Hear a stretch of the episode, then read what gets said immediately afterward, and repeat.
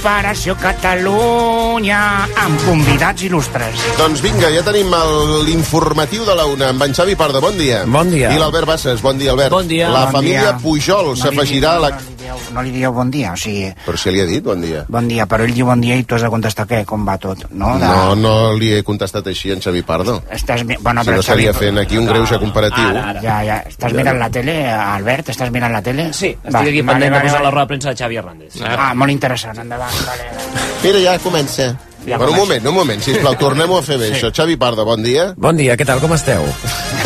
Ara, ara, és que el periodisme ha de El ser també... troleig. Clar, Sí, eh? Ha trolejat, el, ara, el periodisme ha de ser també empatia i, Clar. i, i quilòmetre zero, A no? la gent què li importa saber com estàs tu, Jean Paul? O sigui, què li importa en algú que vol sentir les notícies? I tu, Què ha passat? I tu com estàs, Òscar?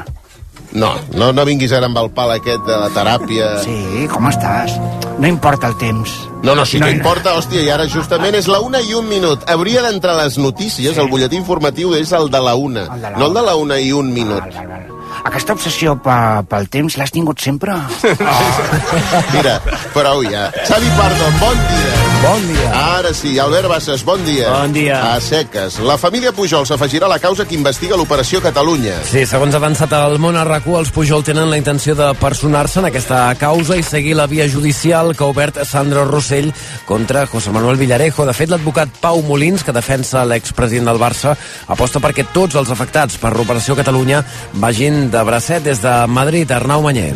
Sí, de fet, dos jutjats de Madrid ja estudien dues querelles similars a les de Rossell contra l'operació Catalunya. És el cas de Joan Pau Miquel, l'exconseller delegat de la banca privada d'Andorra, per les pressions del Ministeri de l'Interior. I és el cas també de Narciso Ortega, pels seguiments que hauria fet la policia espanyola al que era número 1 del cos a Barcelona i aquí les clavegueres de l'Estat relacionaven llavors amb l'independentisme. Si aquestes dues querelles hi afegim la de Sandro Rossell i l'entrada ara de la família Pujol, segons Molins, el món arracú facilitaria el procés judicial.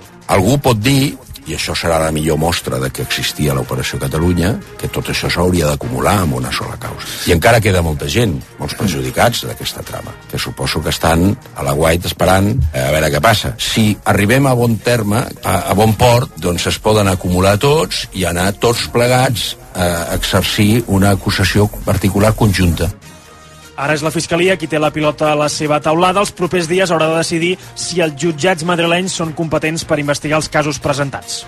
I encara en l'àmbit de la justícia, la defensa de Laura Borràs fa aquesta hora el seu informe final per convèncer el Tribunal Superior de Justícia que és innocent. Ho fa després que la Fiscalia i els altres acusats hagin confirmat el seu pacte, confessió per rebaixar de penes. Des del Tribunal Superior de Justícia, Benet Iñigo. Després d'anunciar el que era un secret a veus que demana penes que no impliquen presó pels acusats que van confessar, la fiscal Teresa Duerto ha desgranat durant més de dues hores els indicis que incriminen Borràs. Subratlla que la decisió de contractar el seu amic estava presa d'inici i diu que Borràs sabia perfectament que es feien pressupostos falsos, dos fets que consideren més que acreditats a través del contingut de correus electrònics. La senyora Laura Borràs diu, Isaías, m'has passat els conceptes, però no els pressupostos. I entenc que esperes que els faci jo, i no dono abast. Pensa que cada pressupost teu n'he de fer tres més, amb tipografies i formats diferents. No he pogut fer-ho perquè cada dia tinc una feinada de cantirintín. A més, la fiscal ha retret a Borràs que intentés escudar-se en els funcionaris que la rodejaven quan presidia la institució de les lletres catalanes. L'Ajuntament de Barcelona deixarà de regar els parcs i jardins de la ciutat per fer front a la sequera. El rec es limitarà als arbres i arbustos i serà el mínim per la seva supervivència. Serà l'afectació més visible a la ciutat de les restriccions d'aigua que hi va aprovar el govern. El regidor d'Emergència Climàtica, Eloi Badia, dona per fet que la gespa s'assecarà a no ser que plogui. doncs la gespa no la podrem regar i és molt possible que en molts d'aquests parcs doncs, s'engrogueixi o faci l'agostament que és aquesta imatge doncs, que, que acostumem a tenir doncs, més a la tardor i hivern, doncs, que ara la tindrem a la primavera, a no ser que tinguem un règim pluvial de primavera normal i per tant la pròpia pluja ho podrà regar, no? Sí que es mantindrà com fins ara la neteja dels carrers, que es farà, amb, es farà tota amb aigua freàtica. Ara bé, l'Ajuntament fa una crida als veïns a no embrutar l'espai públic. Les fonts ornamentals i els jocs d'aigua continuaran tancats com fins ara. I entre avui i demà reobrirà parcialment la C58 al seu pas per Vacarisses, el Vallès Occidental tallada des d'ahir per culpa d'una esllavissada.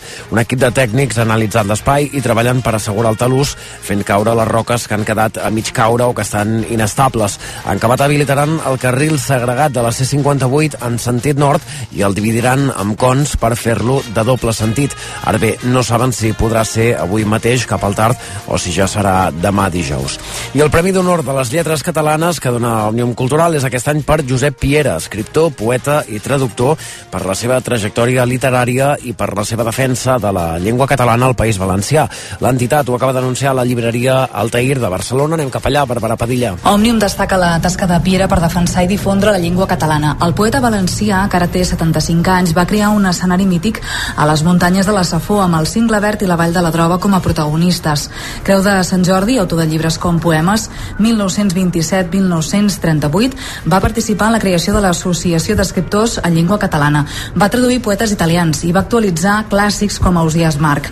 El guardó, que aquest any celebra 55 edicions, és de 20.000 euros i es lliurarà en una gala que es farà al juny. I als esports, l'entrenador del Barça, Xavi Hernández, compareix a aquesta hora en roda de premsa prèvia al clàssic de Copa de demà contra el Real Madrid, un partit per al qual, a més, ja tenim llista de convocats. Ciutat Esportiva, Joan Gant per Marta Ramon. Sí, una llista de convocats sense Pedri, Dembélé i Lewandowski, tots tres són baixa, com ja es preveia, en Sofati ja s'ha recuperat de la contusió al genoll, que el va ser fer baixa a Almeria i ja ha rebut l'alta mèdica. La novetat és l'extrem esquerra del filial, Estanis Pedrola, si manté el davanter del juvenil Ángel Alarcón. Sentim Xavi en aquesta prèvia de l'anada de semis de Copa al Bernabéu. Vale, Marta. Momentos, y no sé si tiene la sensación de que Ara està parlant un periodista. Qui és? El coneixes, Marta? El Madrid con respecto Alfredo Martínez, per si no t'escolta la Marta, d'Onda Cero. No, eh, yo, yo- mi argumento es que, que el Madrid ha ganado los últimos títulos del año, del año pasado, ¿no? Tanto Liga como Champions. Nosotros somos un equipo que está en proceso de, de construcción, que sí que hemos ganado un título y, y contra ellos esta temporada, y además jugando un fútbol extraordinario, pero, pero es el Madrid. Es el Madrid, es un Madrid fuerte, que lo hemos visto que en Europa está compitiendo, que golea en el campo del Liverpool, por lo tanto creo que es favorito, sinceramente.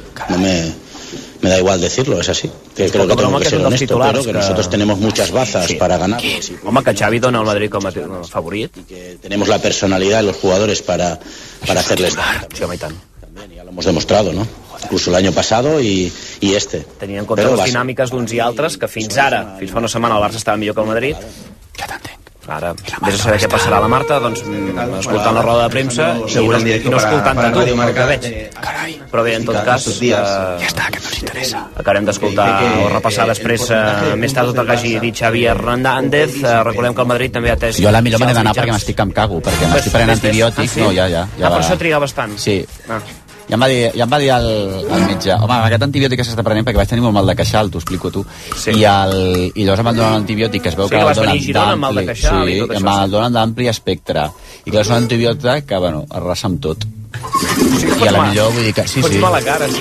No, mala cara no faig. Mira, ara faig mala cara o no? Tu que ets humanista. Home, per favor, també que un humanista... Perquè volen regalar les orelles, però... Noemí, La digue'm, veritat- la sincerament. és Estàs preciós. Ah, Estic preciós, perdona, guapo, no te'n tres de és que em vols destrossar. Doncs llavors m'estic que em cago. Llavors a la millor per culpa de l'antibiòtic, ho dic. Dos pastilles d'antibiòtic d'antibiòtic. També em va dir el farmacèutic, ui, sí, sí, ara estan dando esto para lo de las muelas, perquè es veu que en donaven una altra que no funcionava perquè ja no. És que, ens, és que tot això serà el problema de l'antibiòtic, de la resistència a l'antibiòtic serà també el final de la humanitat, que esteu vivint en directe a RAC1, perquè nosaltres estem sempre al cap del carrer. Fes, fes-lo tu. Potser més prim. Potser sí, de, de, tant, de tant de buidar, potser Jo és que fes més sempre he estat prim. Quan, la Marta... quan, estava, quan estava inflat és perquè bevia alcohol. Ah. Ara tu deixes de beure alcohol i et desinfles, és tal qual. Deia la Marta que s'ha tret els auriculars per no sentir-te. Sí. No, no. No. No sé ¿Qué? si, ni si Sí, no, voy con ilusión, voy con ganas, siempre me motiva ir al Bernabéu. Ah, mira, la verdad, soy muy... con ilusión y con ganas, claro, sí. Bueno, Deia que també ha parlat Carlo Ancelotti fa uns instants que ha confirmat la presència de Rodrigo en aquest clàssic, després que avui també s'hagi pogut entrenar amb el grup, serà en baixa en canvi Alaba i Mendy, un Ancelotti que a diferència del que va dir a principi de temporada, ara diu que arribats a aquestes alçades, és a dir, a semis, la Copa sí que els interessa i es mostra confiat en acabar guanyant algun títol aquesta temporada. Avui es juga la primera semifinal entre l'Ossassuna i l'Atlètic de Bilbao a partir de les 9 al Sadar i també tenim cites interessants en bàsquet. L'Uni Girona i el Cadí la Seu es juguen avui el seu futur a Europa. A l'Eurolliga, l'Uni ha de guanyar tant sí com no la pista del Perfumeries Avenida per accedir als quarts de final a partir de les 8 i ho té més complicat el Cedis que ha de remuntar 25 punts a Istanbul contra el Galatasaray per passar de quarts de l'Eurocup a partir de les 6. Doncs mira, una falqueta que et posaré. Molt bé. Sons del món presenta The Jackson 5 en concert. Dissabte 22 de juliol a la Ciutadella de Roses. Els germans Jackson celebren la gira de 50 aniversari amb tots els seus grans èxits.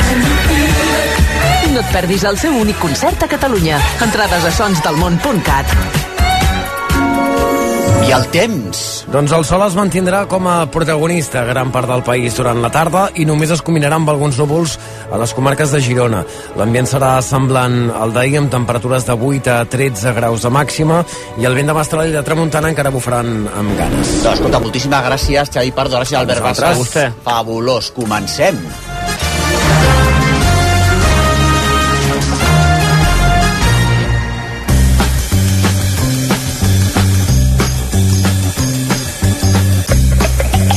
Vostè primer. A RAC1 amb Marc Giró. Home, Giró i l'Ester eh, Romagosa, què tal estàs? L'Ernest Ferrer, en Joel Fortuny. Avui també tenim a la Sílvia Rosés, eh, magníficament. Meravellosa. No? Experta en moda, historiadora de la moda divina, divina, divina. Ve la seva bicicleta plegable, Bronton, tia, una hipster, com la cop. Absolutament, total. De veritat, vas començar amb el hipsterisme i t'has quedat amb I hipster. arrapapada. Sí, ara des que veu començar, des que éreu hipster i seguiu hipster Harry, Dali qui Dali, realment eh, heu aconseguit un estil propi. Eh que sí? O sigui, totalment, perquè ja tothom, ja, ha, no, ja, ja no queden hipsters, però els que resistiu sou, és la nova que elegància. mai moren, doncs els hipsters. Exactament, exactament. Bueno, senyores i senyors, avui amb tots vostès, Miquel Missé. Hola, bon dia. Molt bon dia, a veure, Miquel. a la secció d'avui voldria articular algunes reflexions possibles entorn la situació que s'ha donat a Sallent on dues persones petites han decidit treure's la vida i una d'elles efectivament ha mort. I volia començar per un lloc de sentit comú, que és donar el pèsam. És un ritual fonamental de solidaritat amb el dolor de l'altre i que té a veure bàsicament amb, amb, petits, amb la tristesa, amb l'estat de xoc, amb ser proper i ser carinyós, amb ser delicat, anar amb moltíssima cura davant d'una tragèdia que no ens toca directament però que podem perfectament imaginar el que implica. Així que el que primer que voldria fer és acompanyar en el sentiment aquesta família i al teu, al seu entorn social i educatiu i a partir d'aquí plantejar algunes reflexions. No? Davant la mort, davant de la violència, davant d'un suïcidi i paradigmàticament davant del suïcidi d'una persona de 12 anys es produeix clarament un efecte molt incòmode, que ens impacta, que ens sacseja i que inevitablement ens fa una pregunta com a societat. I sota el meu punt de vista ens fa de mirall, ens fa de reflex de la societat en la que vivim i de la que participem i és un mirall certament insuportable. I davant aquest reflex podríem seure un moment a reflexionar, pensar, fer-nos càrrec, anar més enllà, o bé reaccionar ràpidament per assenyalar fora de nosaltres aquest mal. I és aquest el marc cultural en el que estem. Que no discuteixo la intenció, segurament és la millor, la de mostrar rebuig, però crec que estaria bé en algun moment analitzar-ne els efectes. En primer lloc, una reflexió sobre com entenem acompanyar un dol d'aquestes característiques. Aquests dies hem assistit a aquesta onada de reaccions a xarxes on responsables polítics sortien a mostrar el seu rebuig afirmant amb quin nom s'havia de parlar d'aquesta criatura morta, si era trans o no ho era, si masculí o femení. En aquest cas paradigmàtic, fent servir el nom dit sentit d'aquesta persona, tot i que fos una informació no contrastada ni amb la pròpia família o haguessin passat molt poques hores de la mort i sincerament ningú tingués cap certesa del que estava passant. Jo que em dedico des de fa molts anys a investigar i acompanyar transicions de gènere en adolescents i acompanyar famílies, em va preocupar molt aquesta deriva que pot acabar sent un miratge, no? No cal ser un psicòleg expert en dol per veure que acompanyar aquesta família passa per donar-li temps per elaborar una informació molt delicada i que no sabia i sobretot que no tenia elements per anticipar que està aprenent de cop enmig d'un dolor immens en un soroll mediàtic insuportable. Però en lloc d'aplicar aquesta lògica que bàsicament vol dir donar temps, i a més a més queda claríssim perquè aquesta família al cap de pocs dies incorpora aquest nom en la pròpia cerimònia de comiat, doncs en comptes de moure'ns en una lògica de donar temps i acompanyar, a molt poques hores de la mort i amb una família fora de joc completament teníem a figures polítiques de primer nivell asseverant el nom sentit de la criatura que s'havia filtrat a premsa, fent gala més aviat d'oportunisme que no de sensibilitat. De les institucions públiques jo crec se n'ha d'esperar polítiques públiques que vagin a l'arrel dels conflictes socials i davant de tragèdies com aquestes, prudència, discreció i sensibilitat. Dir un nom és gratis. Fer polítiques costa temps i costa diners. I la segona reflexió més global té a veure amb la cultura política i mediàtica en la que estem immersos. O sigui, la necessitat de reaccionar de forma instantània per assenyalar els dolents i sobretot exhibir públicament que nosaltres anem amb els bons.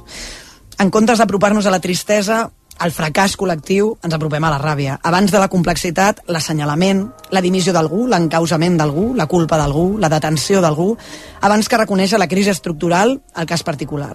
Jo respecte al cas particular em falta informació, només puc acompanyar en el sentiment aquesta família, però el que sé és el que llegit de la premsa com tothom i em porta a pensar que, com sempre, és molt complex, està sent investigat i sobretot una família i un entorn estan enfrontant un dol molt profund i només sento que per tal de respectar-los aquest procés requeriria de rebaixar el soroll i la gesticulació política i augmentar la sensibilitat.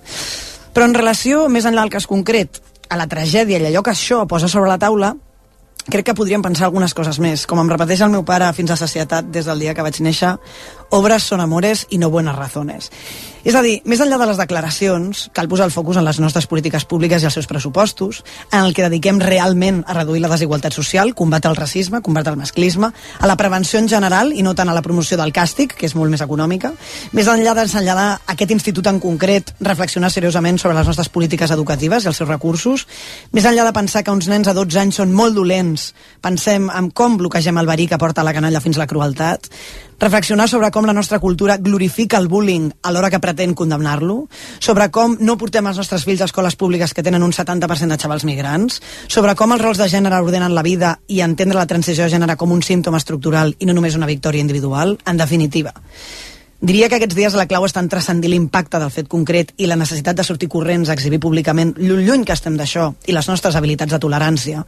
Perquè tot i que entenc la reacció en clau simbòlica i de rebuig, també li veig una certa part narcisista. I jo diria, aquests dies crec que no va tant d'arribar als primers de grans lliçons morals en ros de premsa o fils de Twitter, sinó que crec que va més de suportar el mirall que ens fa la societat que som, de la que tots participem, i de dir-nos amb honestedat que això que ha passat té molt més a veure amb tots i totes nosaltres del que ens agradaria. D'esgotament a d'aplaudir. Ens ho apuntem, no? Espera, ens ho apuntem. Tots i totes. I avui, afortunadament, eh, tenim a dos, eh, com diem, alanistes, no? Fixa't tu, passarem... Llatinistes. De... Llatinistes, llatinistes. Ah, sí? Ah, esclar, perquè llavors Estem dividits entre... Entre tigres i leones. Esteu polaritzats també, fixa't tu, els, els que es dediquen a les clàssiques. Doncs escolta, Miquel, moltíssimes gràcies. Eh, jo crec que la reflexió, no, mm, mm, superpertinent, superpertinent.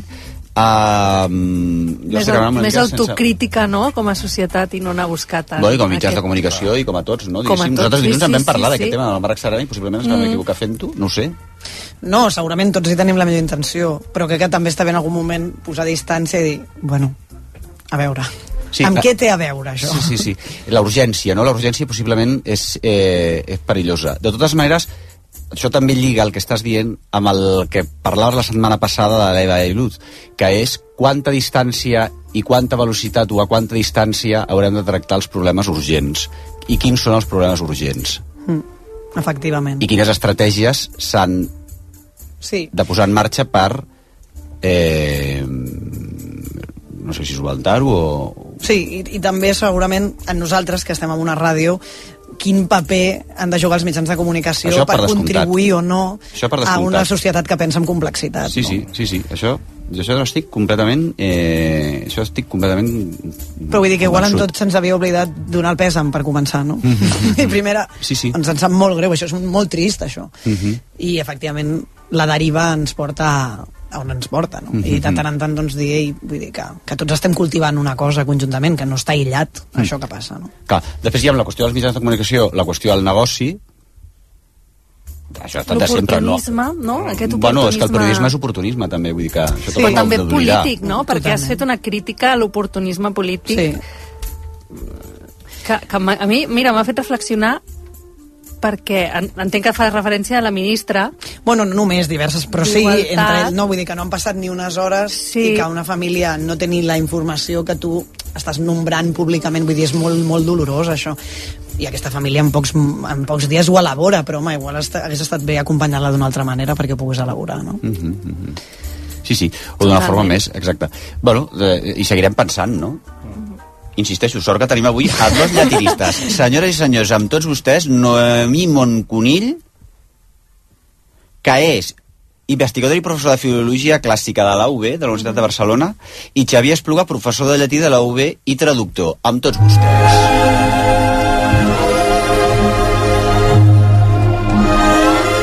Bueno, avui hem de parlar de Ciceró, perquè amb motiu dels 100 anys de la col·lecció de clàssics de la Fundació Bernat Metge, nosaltres ho estem celebrant eh, durant tota aquesta temporada, i van apareixent aquí savis, savis, que ens envien els de la Bernat Metge, quina, quina alegria, eh, per apropar-vos a algun dels pensadors clàssics més influents. I avui toca Ciceró. Sí, senyor. Un dels grans. Un dels grans? Sí. Sí.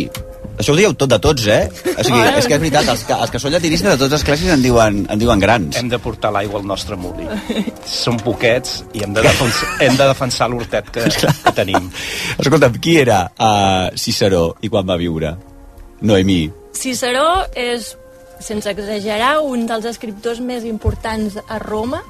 Va tenir una vida de novel·la trepidant. Jo no sé com és que no ha sortit una pel·li amb el biòpic de Ciceró perquè li van passar les mil i una i va viure en un moment històric que ja de per si era molt tumultuós. A banda, com a escriptor i com a intel·lectual, com a advocat i polític que va ser, ens ha deixat una obra immensa. Ell va escriure molt, va ser molt prolífic, va fer molta obra, però a més a més la tradició li ha estat benèvola i fins a nosaltres han arribat una multitud d'obres de Ciceró. Perquè te'n facis una idea, la Fundació Bernat Metge Ciceró crec que ocupa més de 30 volums. Carai, o I- sigui, és un bestseller. Sí. Va ser un bestseller, va ser un tipus que eh, va ser molt popular perquè sabia parlar molt bé, en els seus judicis anava a totes, vull dir, aniquilava l'adversari d'una manera cul bueno, culminant. No esperava, això que diu, la, eh, potser no, no és dels que esperava, com el Miquel ens reclama, diguéssim que anava ràpid. Esperar, era... no, era ràpid, mordàs, eh, feia servir tots els recursos a l'abast moralment reprovables o no, perquè de vegades Mhm. mm, xafava una mica la ratlla, potser, dels recursos que pot fer servir un advocat. En quin sentit? No? Què vols dir? Bueno, si havia de desacreditar físicament l'adversari, doncs mm, Mhm. no dubtava fer-ho. Per exemple, recordo un discurs que vam editar de, mm, contra Batini, que era un personatge que tenia un defecte físic que no tenia coll, no sé què li passava, però tenia el cap enganxat a les espatlles i tenia tacs de gota permanents Mare i Déu, estava pobre vermell Batini. com un perdigot sempre i ell diu al públic mireu, mi- mireu quina pinta que fa, sembla una serp, no? Supura... Uau. Mm, sembla que li hagi de sortir fum del nas, com us podeu fiar d'una persona així? Es veu que és iracunda. Aquest jo tipus, sé, per tant, perdona, perdona, perdona. fent insinuacions malicioses com qui no vol la cosa, no? De, no diré que dorm amb sa germana, bueno, no ho diré, però... Però ja ho he dit. però, però ja ho he dit, Ja ho he dit. no? I escolta, això de Ciceró, per tant, és una estratègia que segueix funcionant perfectíssimament. L'estratègia ciceroniana, el Per què llegir ciceronisme... Ciceró? Advocats, llegiu Ciceró. Sí, sí, sí, sí. Bueno, i els altres també se l'hauran de llegir, no? I polítics. I polítics, no? I els altres també l'hauran de llegir per saber la que ens, la que ens pot arribar a, a, a tocar, no? Entre el que ens hem d'esperar del Miquel Missé, que ja porta dies i dies i dies, i dies és, és un dels seus mantres últims, de, que hem d'estar amb calma, i, el, i Ciceró, us dic una cosa, tenim la batalla perduda, ja us, hi a posar, ja us hi podeu anar posant bé. Escolta'm una cosa, el, um, uh, Xavier, eh, per quins motius es conserva tanta obra? Ara tu parlava de la Noemi, parlava que hi ha moltíssima obra, que en tenim moltíssims títols publicats, que podríem parlar que és un, best, un bestseller. Eh, com és que aquestes cartes, aquests documents, el que ell va escriure, els originals, no sé si originals, però vaja, que ens ha arribat fins a nosaltres fins a mm, 2.000 anys després Clar, del, perquè estem parlant del segle I O abans de Crist. abans de Crist va viure aquest senyor. A veure, ell va tenir en vida... Abans de Cris era molt guai tot el que passava, eh? També t'ho dic, és que També jo me n'adono sempre que també pringaven, però bueno, escolta, és, és guai, és guai. Bueno, ell va tenir molt d'interès en vida a que la obra, seva obra sigui publicada, per tant, Mm. ell es preocupava de que quan pronunciava un discurs immediatament després L'etiquetava. l'escrivia i, i el dif, dif, difonia entre els seus amics. Les cartes és més complicat perquè les cartes són correspondència privada i això sembla que després de mort un dels seus exesclaus es va ocupar en què tota aquesta magna correspondència privada es publiqués. Eh? Per tant, tenim, diguéssim, els escrits que en vida ell publica destinats al gran públic i aquesta correspondència privada que es publica un cop mort. I després el que va, es va passar, doncs una cosa molt comuna, és que eh, va ser adoptat com a model d'escriptura i de fer discursos a les escoles. I això ha fet que, a partir d'aquell moment, fos un llibre de text, unes lectures escolars, la gent imitava l'estil de Ciceró durant tot l'imperi romà, i després, quan passa l'edat mitjana, vosaltres sabeu que els escrits es transmeten perquè algú copia una còpia i una còpia i una còpia, a través dels manuscrits ens ha arribat fins a nosaltres. I el Renaixement, quan Roma i Grècia tornen a ser agafats com a model de cultura, d'escriptura, Mhm. Ciceró torna a estar posat com a model si un vol escriure bé, si un vol parlar bé. Per tant, eh, llegiu Ciceró i... I parlareu bé. I parlareu bé. I escriureu bé. I podreu destrossar l'adversari bé, també. És un autor difícil de, de traduir? Fes-me un rànquing. De, és més fàcil que tal, o més difícil que... Eh, és més fàcil que Tàcit, que, Sí, a mi m'ho semblava, sempre m'ho semblat. un dels llatins més complicats, Sí, sí, sí. però no és un autor fàcil. Tot i això et diré que jo el vaig traduir a Cou, perquè sóc de Sí. la vella escola encara, sí, jo també, sigui, com a segon de batxillerat. I quan vaig traduir la Sí. primera catilinària, que és un dels discursos més famosos de Ciceró, bueno, va ser com una revelació, perquè tot encaixa, sintàcticament és perfecte, està ple de, de figures retòriques. Eh, mm, Ciceró escrivia en prosa, però era una prosa ritmada, no? Hi ha com un cert ritme intern en el discurs. Mm -hmm. O sigui, és un gran escriptor? És un gran escriptor. És un, és un model de prosa, d'estil i de llengua, sí. I perdona, a millor se m'ha escapat a mi, mm, a banda del ca- cateto, catetum, catetíssim que sóc, però a, a què es dedicava Ciceró? Què era?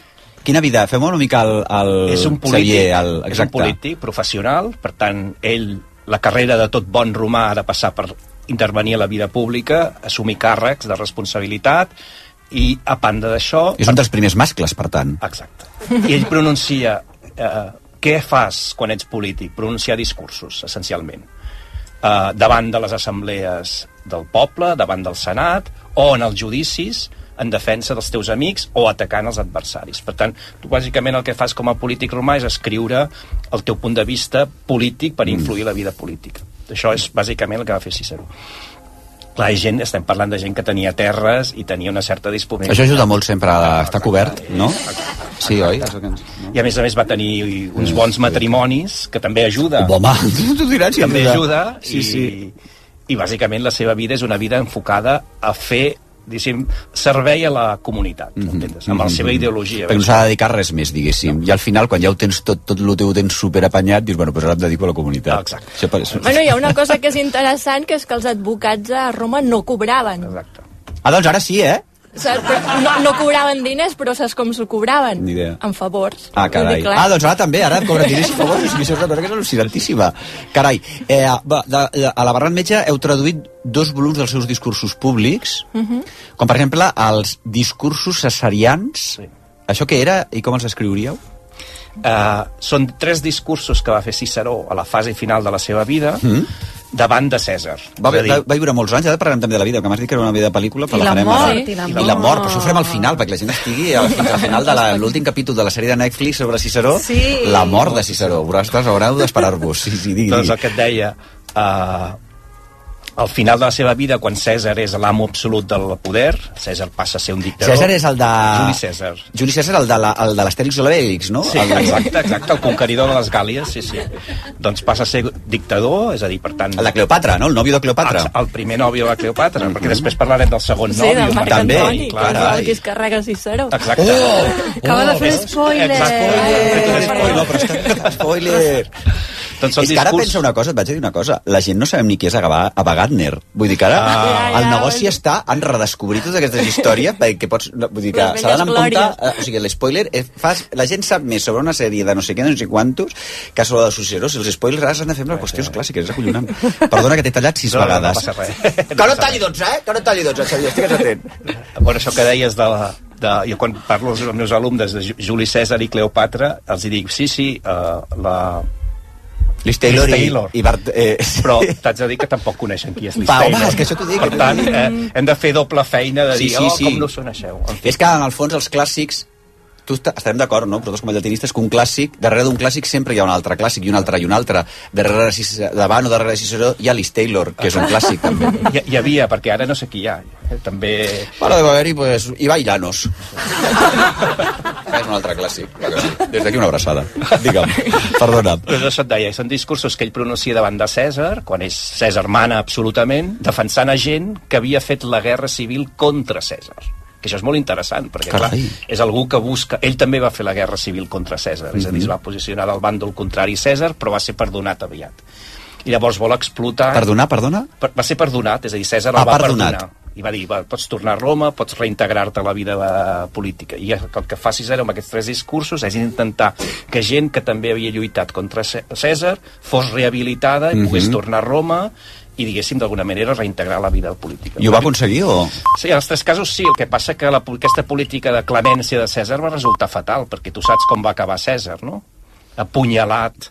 Tot el veto. Brutus, no? Tot- Exacte. Exacte. I clar, eh, en part s'atribueix aquesta excessiu, eh, excessiva generositat de Cèsar a l'hora de perdonar que alguns d'aquests que va perdonar van participar en el complot que el va assassinar. Ui, ui, ui, ui, ui, ui. Això és quasi millor que... No, no, no, és facilíssim. Bueno, dir, jo entès a la primera. Si, Sí, no, sí, o sí, no? absolutament. No, ara estava pensant que a la millor els polítics o, o no s'han de llegir els clàssics perquè ja van forts. S'apunyalen, però sí. de manera més metafòrica. Ai, per favor. Al contrari, són exemples del que no has de fer. Mhm.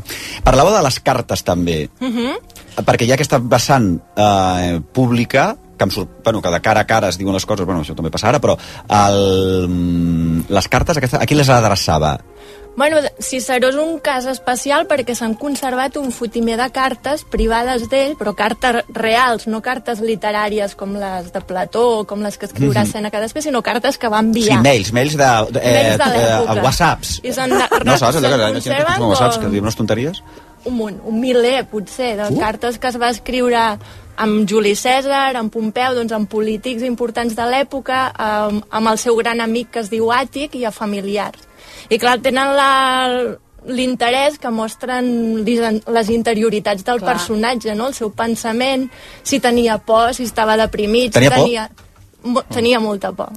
De què? Ciceró que el matessin perquè Ciceró era una figura pública que creia en uns vells ideals que s'estaven desintegrant, que s'estaven descomponent, Quins, quins, els ideals republicans. I quins són aquests ideals en- republicans? A veure, recordem-ho. estem en un període que hi ha un canvi de govern d'una república que seria, és molt anacrònic dir-ho així, però seria un sistema més similar a la democràcia. I s'anava I, cap a i se n'anava cap l'imperialisme. a un imperialisme, cap a una dictadura, no? un, un poder unipersonal. Bueno, i aquesta poder unipersonal i aquestes dictadures imperials que en el fons inspiren després el feixisme, no? Exacte, sí, sí. Si més no, com, Com a estèticament, model, sí. com a model, no? Sí. Mhm, I com a forma d'organització, no? Doncs Ciceró defensava Joder, vaya la dia, portem una setmana... Demà però... ve la Laura Fa, no?, per parlar una mica d'Odissea. Jo porto una setmana entre el Sallent i ara aquests dos m'estan deixant, senyores, jo comprendria vostès estiguessin ara... No, no, deprimint no. Molt bé, molt bé.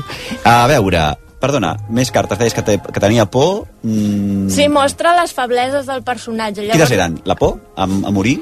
Assassinat? La por i el debat entre ser fidel als teus ideals o sucumbir a les forces del poder. O sigui, ser fidel al que tu creus i posar en risc la teva integritat física i material, no? perquè el podien desproveir de tot, enviar a l'exili com de fet li va passar, o dir públicament el que tu penses. Mhm. És molt simple. Però per salvar la vida, clar. Sí, sí, Per en un moment vida, on per- no només t'hi podies jugar a la feina o les amistats, com Clar, podria clar. ser avui dia, no? que dir el que penses també et pot portar algun mal de cap, sinó en un moment on... I passa, i passa. I mira, passa, No? Em sembla que encara hi ha gent exiliada, no? Per...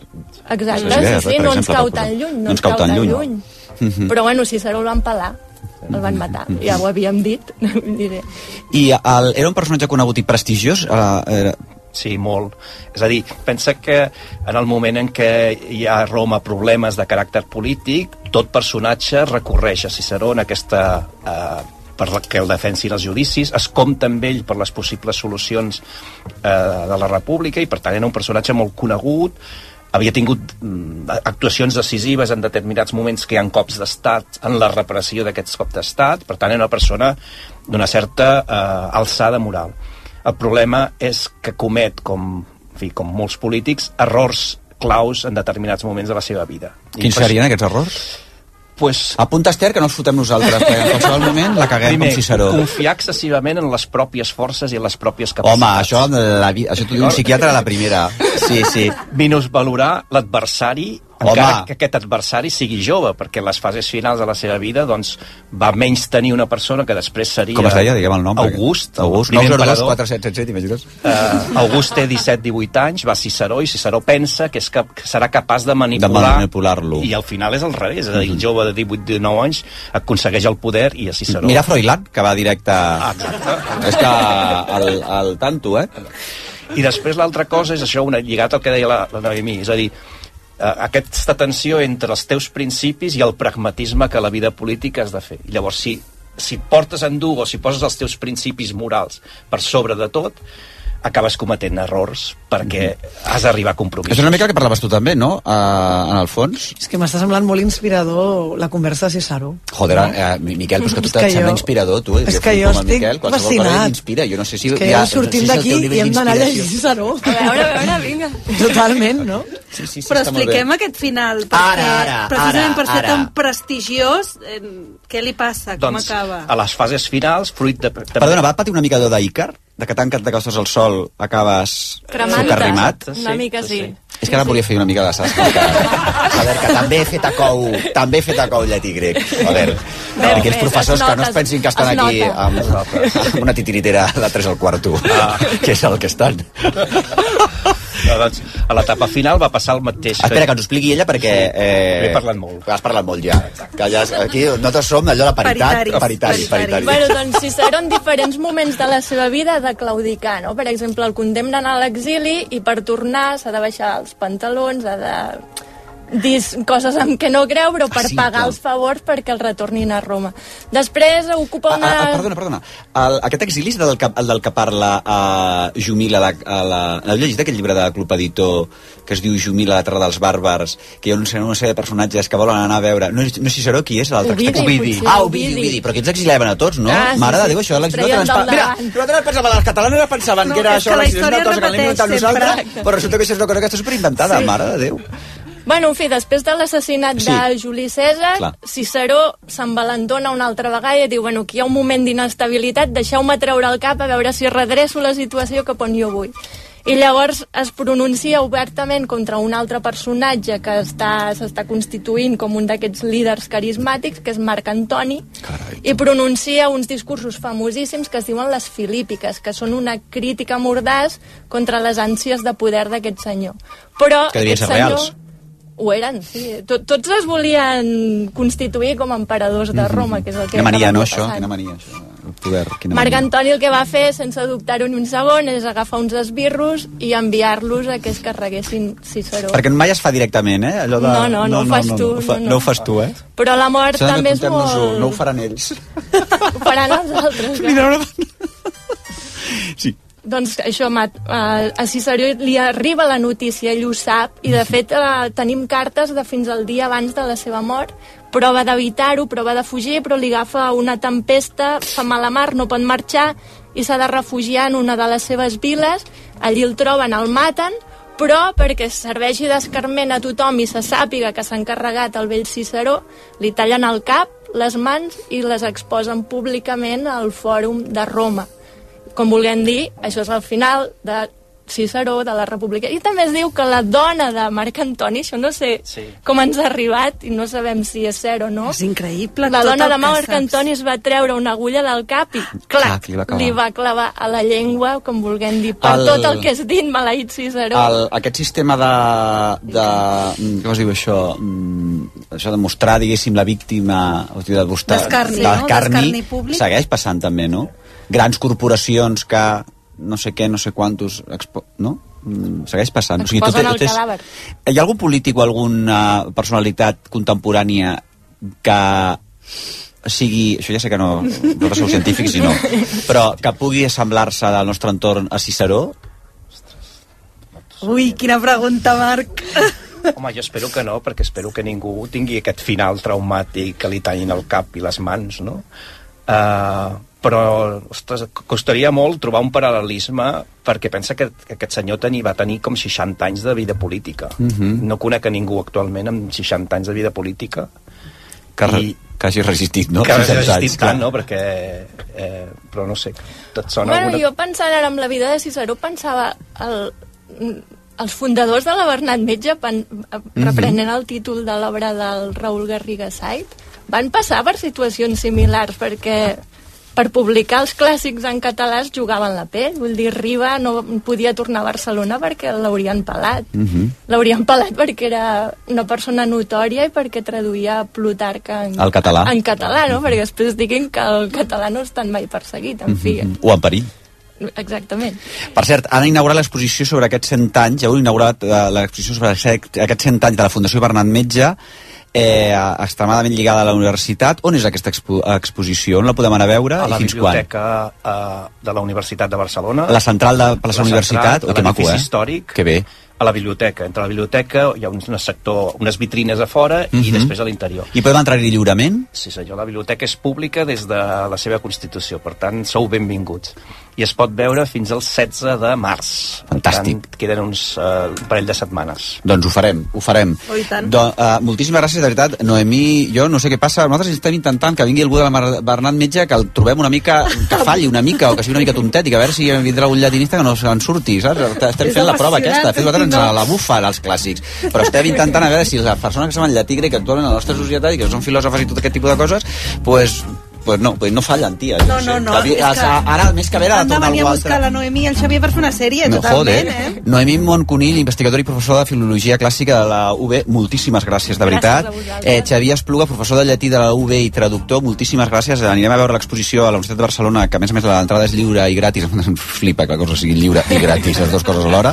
Gràcies, de veritat. La Bernat Metge celebra els 100 anys de la seva inauguració, de la seva fundació. Gràcies, de veritat. Passem a publicitat. Gràcies, Miquel Missé, de tot cor. De tot cor, seguirem parlant. I ara, Sílvia Rogés, escolta'm, espero que no ens vinguis amb una tragèdia grega ni mandanga. No, no, no, no. Tota no, ara alegria. ens distraurem una mica. Ah, sí? Sí, home, sí, no pateixis. Mare de Déu, senyor. No pateixo mai jo, no pateixo mai. Gràcies. Vostè primer, amb Marc Giró. RAC 1.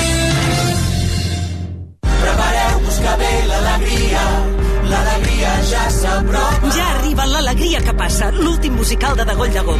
Dansa, música i teatre es fusionen per acostar-nos al primer gran èxit de Santiago Rossinyol. L'alegria que passa de Dagoll Gom al Poliorama. T'emocionaràs. Pere Arquilloé i Carles Martínez protagonitzen L'adversari al Teatre Romea. Julio Manrique porta a escena la novel·la de Manuel Carrer, la història real de l'assassí que va construir la seva vida en base a la mentida. Quan va comprendre que estava a punt de ser descobert, es va estimar més matar els seus abans que enfrontar-se a les seves mirades. L'adversari, a partir de l'1 de març al Teatre Romea. Compra les teves entrades a teatreromea.cat i a promentrada.com.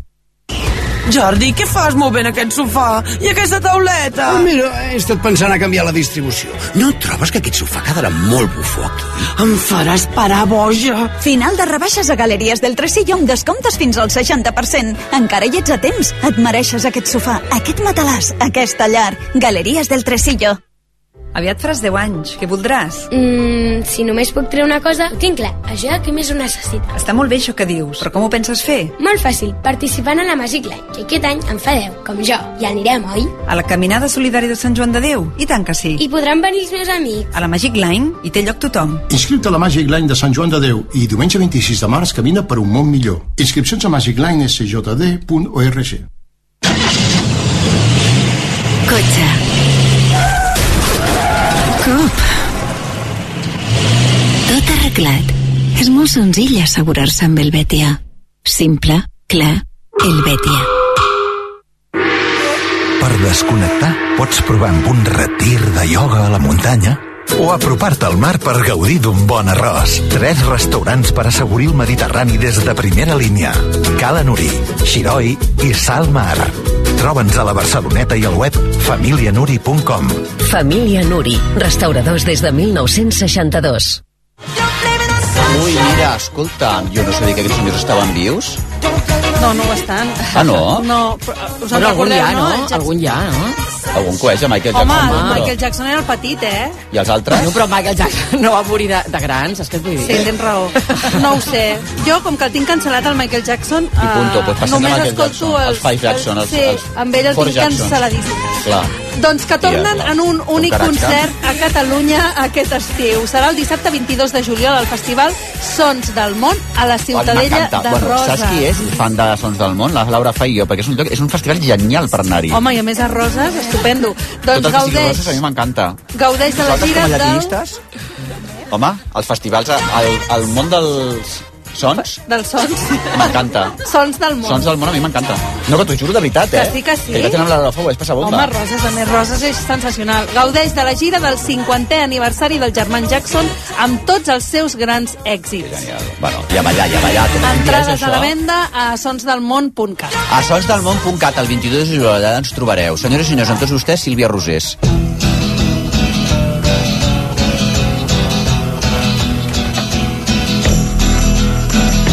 Aquesta, la pobreta Nancy Sinatra, també està morta. Senta-la. escolta-la. Està morta ella, però les botes que, que, que portava en aquí són de Beth Levin, que un dia A parlaré veure, d'aquest anem a de Beth repassar Levin. morts d'avui. Què passa? Ciceró, Nancy Sinatra No, no, no, i no. el Michael Jackson. Però clar, és que la humanitat es va morint, però tu i jo estem aquí vivitos, Sí, sí, sí, no? però, bueno, escolta, i tant. Jo m'estic cagant, però vull dir que a veure, saps? Cago, ergo, no? Er, Luego cargo, existo. ergo, luego Saps què vull dir? tota la raó, veus? Ella també és llatinista, la Sí, tia. veig. és que ella, ens, ara ens volem posar a la vostra alçada. No, ni Xavier. Si cagues vol dir que hi ha algú que viu, Els o no? llatinistes no, no se'n volen anar, no se'n volen anar. Que es quedin, que es quedin, Home, que aprendran, aprendran coses de moda. Va, a veure, llavors, tu, per què ens has posat aquesta cançó? Les maxibotes, vols Les parlar? maxibotes, perquè no sé Tu si has heu... parlat en maxibotes, tia, quin baixons. I hem parlat de la cosa aquesta del Miquel Vicent en la profunditat, després el Ciceró, i ara tu la maxibota, és que t'ho juro. Sílvia, a veure això com ho has... Segons Ciceró, vale, les maxibotes... Hi ha una catilinària, no? bueno, calla, que Aristòtil deia que actualment les, les, uh, les, no sé si ho heu vist, que hi ha la, mod, la, la, la moda aquesta que es porta unes botes molt grosses. Us heu fixat o no? Sí. Digue, home, que sí, per favor. No? Totes amb les botes molt, molt grosses. Doncs, bueno, ara La Policia està en ten- Nacional, sí, sí. Està en tendència. Aleshores, us heu fixat que s'han posat ara de moda unes botes, bueno, que ho estan patant a les xarxes, que es diuen les botes d'Astroboy? Jo no ho sabia i les he anat a veure i em semblen Són totals. horribles. No, Esther, no diguis això, per favor. ja Ja està, està, ja la, està la, l'Esther. Té cancel·lat No, a no, Michael no. Jackson, no li agrada la bota de l'astronauta.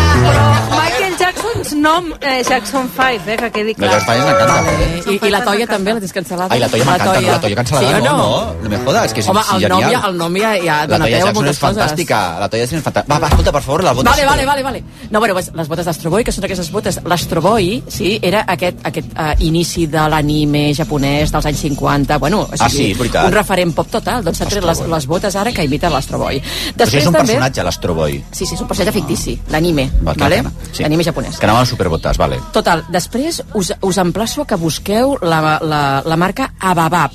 Ababab? Ababab. Jo això no ho faré, perdona, eh? Bueno, doncs Marc, ja ho Perquè estàs tu fent. poses Ababab al teu mòbil i l'algoritme et puteja de per vida, diguéssim. No, Ababab- Tu jo ara poso Ababab, que no ho posis, Esther, Ababab, perquè No, et t'estic putejarà buscant la l'algoritme. vermella aquesta perquè la vegis. Vale. La bota. La bota Ababab vermella. és una marca uh, Ababab, uh, diu, superinteressant que ara Milan va desfilar i anaven desfilant i la roba anava caient o sigui, es anava uh, com desestructurant una cosa bestial Sí, això ens passarà a i aleshores també. portaven, sí, sí, portaven unes botes que eren enormes i se'n reien una mica de la tendència actual d'aquestes bo- bo- botes tan grosses per Mhm. tant busqueu Ababab tot també baixa molt interessant Mira, l'altre ho està fent. Miquel, que no busquis Ababab, que tu dalt la... Jo estic la... flipant sí. encara amb les botes de l'Astroboy. Que Sí, sí. És que no tot Catalunya trobo. busca les botes d'Astroboy, però Ababab també, que són molt interessants. Total, baixem de la, de, de, del, de, del rei, Bueno, del món celeste, A veure... ja està, li estan ensenyant el... Ui, m'encanten aquestes botes, perdona. A veure, Uh! Em xiflen! Ensenya-li la latinista. Per favor, pengeu-les a la Twitter. Pengeu-les a la Twitter. Per favor, no em diràs que no són Semblen de divertides. dibuixos A veure, no, animats. no hi ha cap dubte que Ciceró les hagués portat. M'encanta. Ensenya-li la gent, per favor, al públic. És boníssim. Passa-li al, al... Ara, ara penjarem a la Tothom, mira, Twitter. ara, A ara la l'Ester va passar el mòbil al públic. Bueno, bueno. A veure. Total, seguim. M'encanten. De quina marca són aquestes? És una, una marca que es diu MSHF, però no, no t'emocionis perquè estan super esgotades. Bueno, no, és que la gent tampoc està tinc boja jo per comprant-les. això, però ho I a trobo quin genial. preu, a més a més, A estan? 350 No, euros. no. Dóna-la el preu, Mira, ja el que mira. cobra. Sí, 350 bueno, euros. te'n puc comprar 365. Per favor. A mi em xiflen aquesta... A veure, llavors, fer el favor de... Fan, fan amb el teu traje. Total. Sílvia, sempre t'imposes i avui estàs... No, eh, no, està, jijijaja. no, el galliner se m'estan de, del d'allò. És que, vamos, digues, digues, digues, digues. Però a veure, hi han dues botes que, fora de, del que passa a les passarel·les, anem una mica al carrer, Sí, hi ha dues botes que ho estan patant des de ja fa unes temporades, però Mm. aquest hivern a tope. I vull parlar d'aquestes, que una són les UC, N'hi vaig regalar jo una, una a la meva germana petita i vaig regalar unes Ux fa 450 anys enrere, que l'altre dia les portava Sí, les duia. i li vaig dir, aquestes botes estan escaroses, o sigui, aquesta noia, dic, "Cam- ja te les canviarem. doncs es poden netejar, eh? Digue No, vull que dir les que- netegi. Diu, no, no, si la tenen pàtina, em va dir. És que li agrada més ara que abans, jo flipo.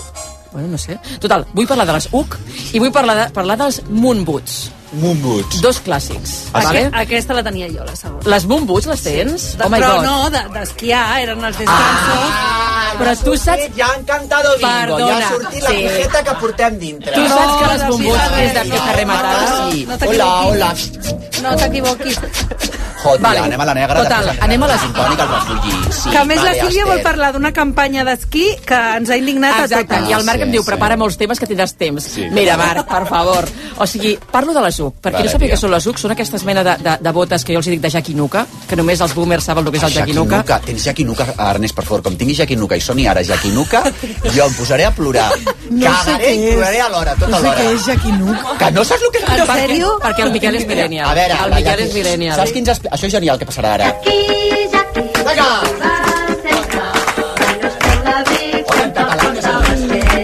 Sí, és Jaquinuca, això. Sí, Perdona, saps qui ens explicarà què és Jaquinuca? La Ciceró. llatinista. Sí, Silvi, uh, Noemí, què era Jaquinuca? Uns dibuixos animats. Sí. De l'època antiga. Però no De la prehistòria. gaire més. Que era un os i una ossa, no? Jugaven a futbol? No. Apa, nena. Mare, això era Oliver i Benji. Ai, quin lío, la llatinista. Ale, Noemí. Jaquinuca. No, que vivien al bosc, vivien al bosc. Es va morir la mare, la típica cosa. Ah, Mira, mira. el Marco, aquell. cielo mío. Mamá volverá enseguida. No, mamá. No te vayas. Tornar, no va tornar. Hosti, Jaquinuca, tia. Hem patit les, les criatures dels anys 80. Hem... Mira, mira, la mata, la mata. En riu de tot el Bambi, eh? Ja estaven... Ja... Bueno, és que nosaltres Avui no veníem... podré explicar les botes ni de conya. Perdona, no, que les botes... No, no, sí que té... Nosaltres... No, les, són i 51. Ah, Sílvia, tia, nosaltres Vale, vale. veníem de la mort de Bambi I, i, ens, i ens van xampar la mort de la mare del És que- Jaquinuca. Nosaltres estem destrossats. Jo cada vegada que el veig a la meva mare penso, Déu meu, nosaltres hem viscut amb por. Perdona, i el, bueno, i el Marco? És que, Oh, bueno! és que, vamos!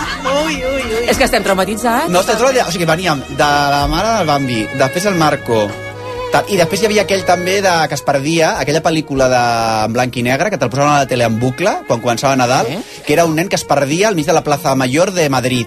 Com es deia, el llatinista? A veure, Xavier, eh? Xavier, no sabeu res, esteu tot edificats a les biblioteques Bueno, i, pergaminos. escolta'm, i l'anunci del gos? Oh! Com era, com era allò, l'anunci del gos? L'anunci del gos... Com era, us en recordeu o no? No, ell mai no ho faria, una cosa Sí. Ah, mai no ho com faria. era? Ai, és veritat, nosaltres estem traumatitzats. Hauríem de fer una llista de coses per les quals... Encara prou bé estem, Sílvia, trobo. Eh que sí? A veure, les UCs, les UCs.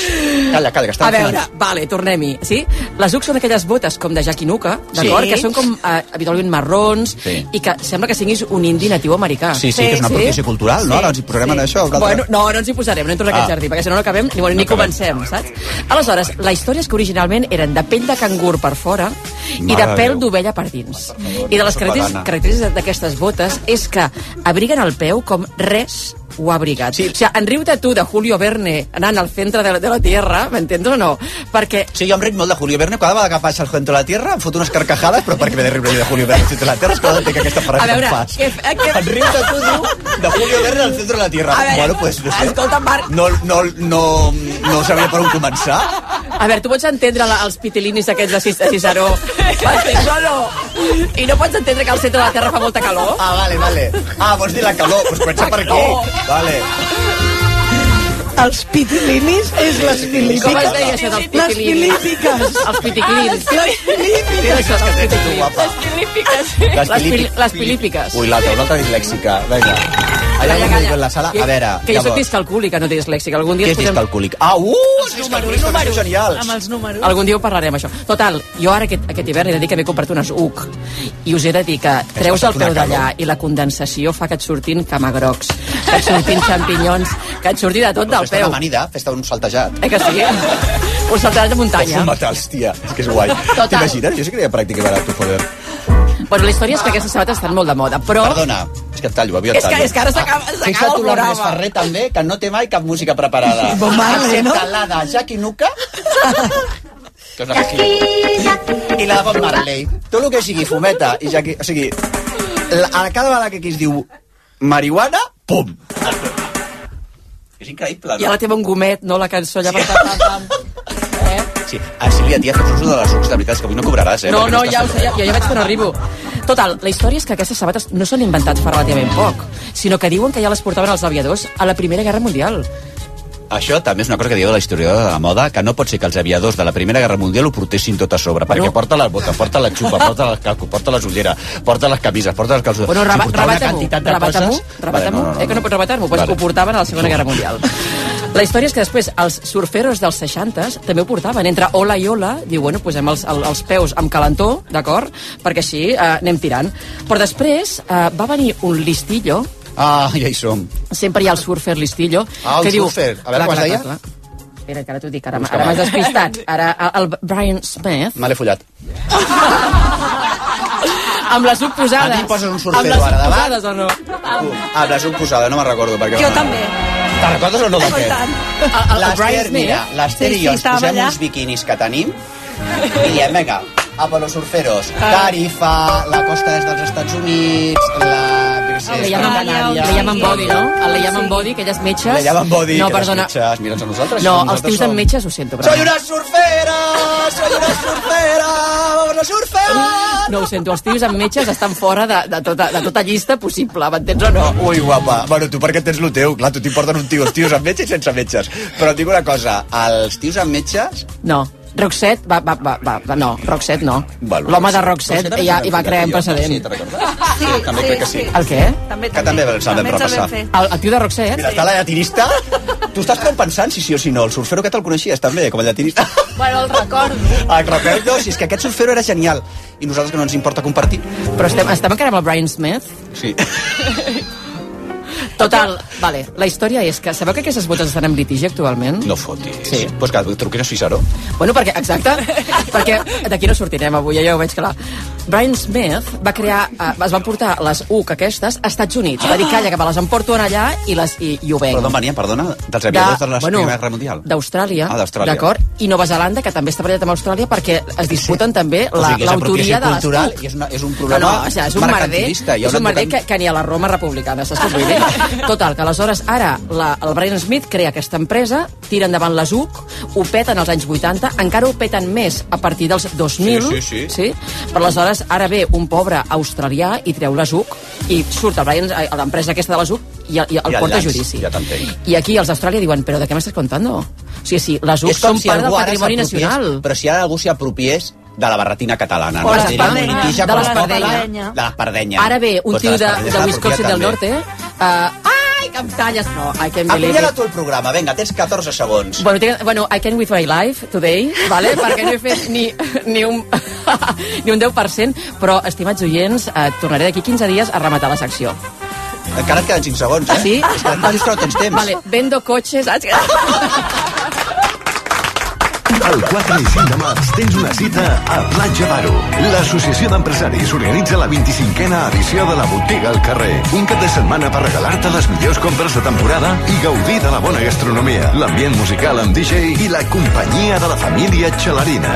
Vine el 4 i 5 de març. Botiga al carrer a Platja d'Aro. Del 27 de febrer al 5 de març se celebra a Vilafranca del Penedès la gran setmana del caravaning. M3 Caravaning obre l'exposició més gran amb les millors marques i ofertes en caravanes, autocaravanes i campers. Noves, d'ocasió i quilòmetre zero. Recorda, del 27 de febrer al 5 de març, setmana del caravaning a M3 Caravaning, a Vilafranca del Penedès. Blanca, que bé que et veig. Vinc de Naturhaus. He perdut 4 quilos. Sí, jo també vull. Què haig de fer? Acompanya'm o busca el teu centre Naturhaus més proper i demana-hi cita. Totes les consultes d'assessorament dietètic i seguiment setmanal són gratis. I a més, ho pots fer des de casa. Entra a naturhaus.es o truca al 902 15 14 14. Arriba el descompte directe a Mediamar. Let's go. Només de l'1 al 4 de març, el descompte augmenta a mesura que ho fa la teva compra. Aconsegueix 25, 60, 120, 200 i fins a 400 euros d'estalvi. Ja a la teva botiga a Mediamar.es i a l'app. A bon preu i esclat, l'estalvi és marca de la casa. I ara i fins al 6 de març aprofita aquest lot estalvi. Dues pizzas del Dr. Oetker, terrina de gelat Hagen Dash i sis cerveses Túria per només 9 euros amb 99 cèntims. T'estalvies 9 euros amb 70 cèntims. Aprofita l'oferta. A bon preu i esclat, l'estalvi és marca de la casa. Bon preu i esclat. Que al contractar la teva assegurança de cotxe et regalin un rellotge intel·ligent és pràctic per si t'agrada mirar els missatges en una pantalla super petita. Però igual és més pràctic que la teva assegurança et regali un any de revisions i manteniment il·limitat, com fem a Berti. Ja saps, perquè el cotxe no et deixi tirat i això. Berti, estalvia temps, estalvia diners. RAC1 presenta la segona edició dels Premis DRAC. Torna el drac que reconeix iniciatives. Idees, projectes i persones que han fet millor la nostra societat. En l'últim any, un jurat escollirà els guanyadors en quatre categories. Veu de l'any, innovació, sostenibilitat, històries amb ànima. I vosaltres decidireu qui s'endú el premi a la categoria Tots som u. Voteu a racu.cat i optareu a guanyar una tauleta electrònica. Tornen els Premis DRAC. La segona edició dels premis creats per RAC1. Tots som. Amb el patrocini de CaixaBank, Kia, FIAC Assegurances i Unió Suïssa Joiers. amb el suport de la Generalitat de Catalunya. Evans, proveïdor tècnic oficial. Organitza